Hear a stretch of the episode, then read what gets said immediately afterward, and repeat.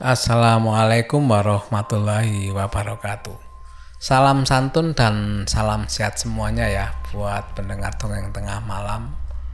Dan untuk teman-teman yang ada di rantau karena tidak bisa mudik atau pulang ya, eh, saya harapkan kesabarannya.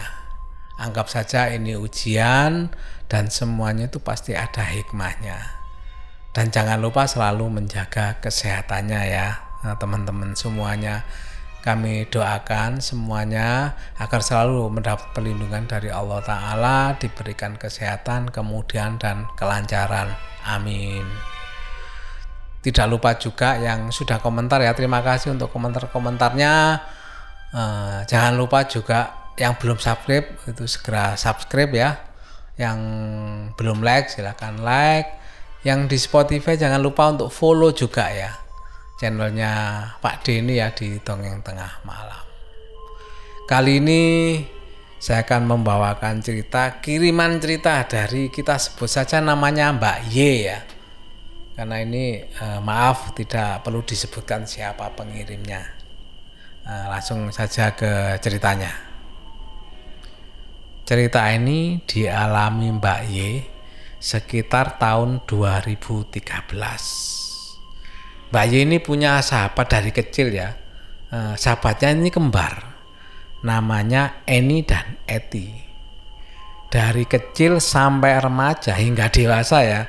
Hanya dengan si kembar inilah Mbak Y itu bisa akrab. Kadang Mbak Y ini main ke rumahnya dan terkadang mereka yang main ke rumahnya Mbak Y dan karena keakraban ini kan eh, sudah lama terjalin ya semakin dewasa itu kan semakin ada kesibukan. Jadi mereka masing-masing ada kesibukan dengan pekerjaan dan keluarganya masing-masing ya. Ini Mbak Y dan teman kembarnya ini hampir tiga tahun ini tidak ketemu sama sekali dan komunikasi hanya lewat BB ya. Pada waktu itu kan BlackBerry ya BB ya. Kalau sekarang kan sudah banyak WA dan sebagainya. Hari itu Mbak Yedi janjian. Jadi janjian sama si kembar ini. Jadi setelah pulang kerja nanti Mbak Ye akan main ke rumahnya. Padahal kalau dihitung jarak sebenarnya rumahnya itu nggak jauh dari tempatnya Mbak Ye kalau dihitung-hitung itu ya rumahnya Mbak Ye cuma selisih kira-kira dua gang saja lah. Tapi karena ya itu tadi kesibukannya masing-masing itu akhirnya mereka jadi jarang bertemu. Sampai terhitung tadi sampai tiga tahun ya, tiga tahun sampai jarang bertemu karena sudah ya asik dengan kesibukannya kali ya. Hari itu seperti yang dijanjikan ya Mbak Ye kan rencana main ke rumah temannya teman akrabnya Duliasi kembar ini tapi sepulang kerja Mbak Ye masih pulang dulu karena harus naruh motor dulu. Kayak bersih-bersih diri lah. Sendiri ganti pakaian biar kan seger ya kalau pulang kerja kan kalau nggak bersih diri mandi apa itu kan rasanya masih terasa capek. Tapi setelah mandi itu kan seger.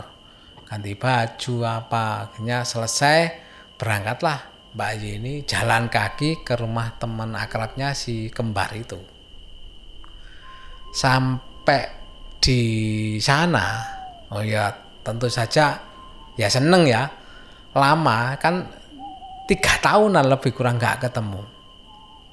Ya mereka begitu ketemu ya biasa apalagi cewek ya. Mereka ya saling kangen-kangenan eh, bercanda ngobrol nostalgia ya terutama khususnya cita nostalgia.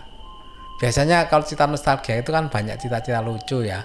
Atau bahkan dulu yang pernah ngisengi ngisengi temennya itu kalau mau cerita dulu kan bisa marah yang diisengi ini. Tapi di nostalgia ini kan bisa diceritakan. Dan bukan jadi kemarahan malah jadi candaan yang meramaikan suasana. Nah, kalau memang lama nggak uh, ketemu seperti itu ya. Akhirnya mereka ya dengan senang oh, bercanda ketemu oh, keakraban timbul kembali nggak terasa ngobrol sana sini bercanda sampai waktu menunjukkan pukul 11 malam atau jam 23 ya. Karena sudah waktunya malam Mbak Yeni kan ya akhirnya pamit mau pulang. Karena besok harinya kan harus ke kerja. Waktu pamit pulang ini si Kimber ini sebenarnya menawarkan diri untuk mengantar Mbak Yeni naik motornya. Karena walaupun dekat dua gang kan ya malam-malam gini kan ya mungkin ada kekhawatiran dari temannya Mbak Yeni tapi Mbak Yeni menolak. Dan maunya itu sudah mau mau apa? Kan merasa Mbak Ye bahwa tempatnya dekat cukuplah jalan kaki saja. Tadi berangkat jalan kaki aja. Dan Mbak Ye menolak mau diantarkan naik motor ini. Ya sudah akhirnya si kembar hanya mengantarkan sampai di pagar depan rumahnya dan Mbak Ye pun pulang jalan kaki ke rumahnya sendiri akhirnya Mbak Ye Mbak Ye berjalan tetapi Mbak itu merasa malam ini kok terasa sangat sepi ya.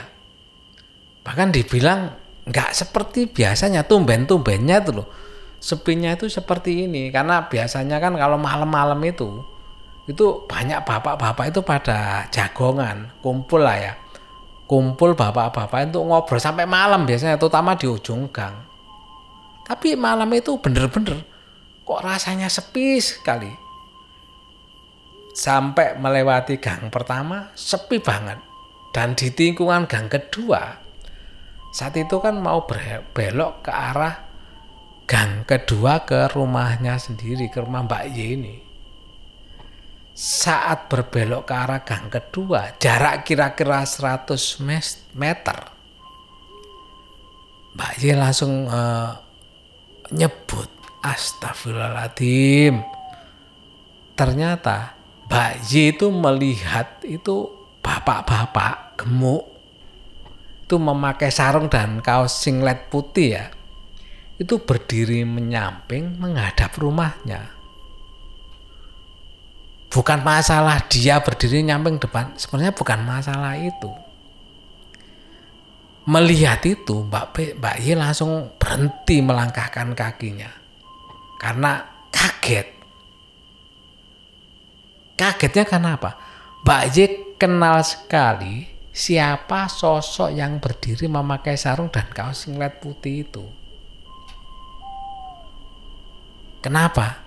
Karena orang yang dikenal yang berdiri di depan rumahnya itu itu sudah meninggal kurang lebih lima, uh, lima tahun yang lalu. Dan kejadian itu adalah kejadian sebuah kecelakaan saat mengantar anak laki-laki sulungnya itu untuk menikah di kota B. Jadi satu mobil itu berisi lima orang laki-laki yaitu kemanten laki-laki, ayahnya, eh, ayahnya kemanten ya, sama Pak H, kakek eh, kakek laki-laki, Pak D kakak Pak H dan si bungsu yang pada saat itu usia lima tahun. Dan si bungsu inilah satu-satunya selamat dalam peristiwa kecelakaan itu. Sedangkan empat penumpang termasuk Pak H itu meninggal di tempat kejadian. Jadi Mbak Y ini hanya meyakinkan diri bahwa apa benar itu Pak H. Pak H itu Pak RT ya. Jadi Pak RT di lingkungan Mbak Y ini. Sambil tetap berdiri di tempat eh, yang tadi ya berhenti ya Mbak Y. Diusaplah kedua matanya dan ingin meyakinkan benar-benar bahwa apa benar itu paha gitu loh. Ya Allah, apalagi ini batin batin uh, Mbak Ye ya. Dan juga sebenarnya Mbak ini nggak pernah akrab dengan uh, namanya Pak Ain atau Pak Artin nggak nggak mengenal secara pribadi lah secara akrab. Tapi mengapa yang ditampai sosok Pak RT ini Pak A ini adalah Mbak Ye Seketika tubuhnya Mbak Y ini kaku, berkeringat dingin, dan kakinya itu gemetaran karena apa? Rasa takut. Lah siapa yang nggak takut? Orang yang sudah meninggal kok. Sekarang ini di malam-malam ini itu menampakkan diri. Ya pastilah orang semua pada takut lah. Mau melanjutkan langkahnya, tentu saja gak berani karena apa kalau dia melanjutkan langkah berarti kalau kan melewati dari Pak H yang sedang berdiri di depan rumahnya tadi ya Pak Y ini hanya bisanya apa terpaku termenum nggak bisa berbuat apa-apa bahkan kalau hitungan waktu ya cukup lama lah sebenarnya lama itu susah ngitungnya ya karena kondisi seperti itu gimana menghitung pasti ya perasaan itu bisa jadi rasanya bisa seperempat jam, bisa jadi setengah jam berdiri di situ itu. Jangan kan se seperempat itu rasanya ya. Sebenarnya ngomong satu menit dua menit aja lamanya itu bukan main seperti satu jam dua jam. Sebenarnya kalau kalau dibilang ngomong lama gitu ya, itu cukup lama bagi Mbak Yi terdiam diri di situ itu. Dan sosok itu masih tetap berdiri di tempatnya dan tidak merubah posisi sama sekali. Jadi tetap berdiri seperti mematung menghadap ke rumahnya. Akhirnya karena nggak berani melewati, akhirnya mau nggak mau Mbak Ye ya berbalik arah memutar kembali, lari ke rumahnya teman akrabnya si kembar tadi. Mbak Ye ini sampai berlari dan sampai di rumahnya si kembar ini karena orang takut dan panik ya Mbak Ade ngedong sambil manggil-manggil nama keduanya si kembar tadi supaya segera cepat keluar gitu loh begitu keluar si kembar hanya bilang apa apa yang ada yang ketinggalan ya mesti ada yang ketinggalan ini Mbak Ye nggak bisa berkata apa-apa dan hanya minta tolong tolong kalau aku diantarkan pulang naik motor dan si kembar ini malah heran melihat kondisi Mbak seperti itu. Ada apa? Ada apa? Mbak Ye nggak bisa bercerita apa-apa. Cuma dah nggak bisa cerita sekarang minta tolong diantarkan pulang. Tapi Mbak Ye minta tolong nggak mau lewat jalan jalur seperti biasanya lewat depan. Dan Mbak Ye minta tolong diantar lewat jalur belakang. Padahal kalau ngomong lewat jalan jalur belakang ini ini lebih jauh karena apa kalau lewat depan itu kan melewati dua gang sudah masuk uh, rumahnya Mbak Y tapi kalau lewat belakang ini bisa empat gang baru masuk ke arah rumahnya Mbak Y ini tapi bagi Mbak Y kan lebih aman daripada harus melewati rumah Pak H tadi Pak RT tadi yang masih tetap berdiri di depan rumahnya akhirnya Mbak Y janji nanti tak ceritain uh, aku antarkan pulang dulu nanti saya ceritakan kata Mbak Ye. Ya sudah akhirnya e, mereka e, si kembar ini salah satunya mengantar Mbak Ye ke rumahnya lewat belakang. Dan Mbak Ye berpesan kembalinya jangan lewat depan, minta lewat belakang saja seperti waktu tadi mengantar ke rumahnya Mbak Ye. Ya semakin heran sebenarnya yang mengantar tapi ya sudahlah daripada membuat Mbak Ye anu mungkin ya Mbak Ye apa khawatir akhirnya kembali lewat belakang seperti yang diminta sama Mbak Y sampai keesokan harinya karena uh, mungkin penasaran juga ya si kembar ini Mbak Y nggak lupa jadi sebelum berangkat uh, sebelum berangkat kerja pagi-pagi ini Mbak Y telepon sama si kembar tadi menceritakan kejadian yang dialaminya semalam dan Mbak Y berterus terang bahwa dia memang nggak mau menceritakan semalam karena apa? Khawatirnya kalau diceritakan semalam dan mereka takut, tentunya mereka juga nggak berani mengantarkan Mbak Y pulang. Makanya kenapa Mbak Y bersikeras bahwa nanti akan diceritakan dan sekarang sudah diceritakan. Dan bagi Mbak Y mungkin ya, mungkin lagi apesnya Mbak Y kali ya. Lagi apes jalan ditampaki sosok yang sudah meninggal tadi.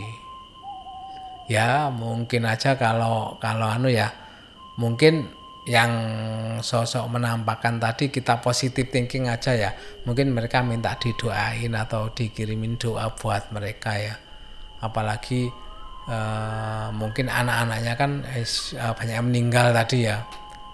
Ya sudah, uh, baiknya lah siapa pun kita, saudara kita kalau yang sudah meninggal jangan lupa ya selalu mengirim doa mendoakan mereka supaya mendapat tempat yang terbaik di sisinya amin ya itu tadi cerita dari Mbak Ye. Eh, masih ada cerita-cerita lain ya. Eh, mudah-mudahan Mbak Ye masih mengirimkan terus ceritanya. Nanti kita bawakan di sini.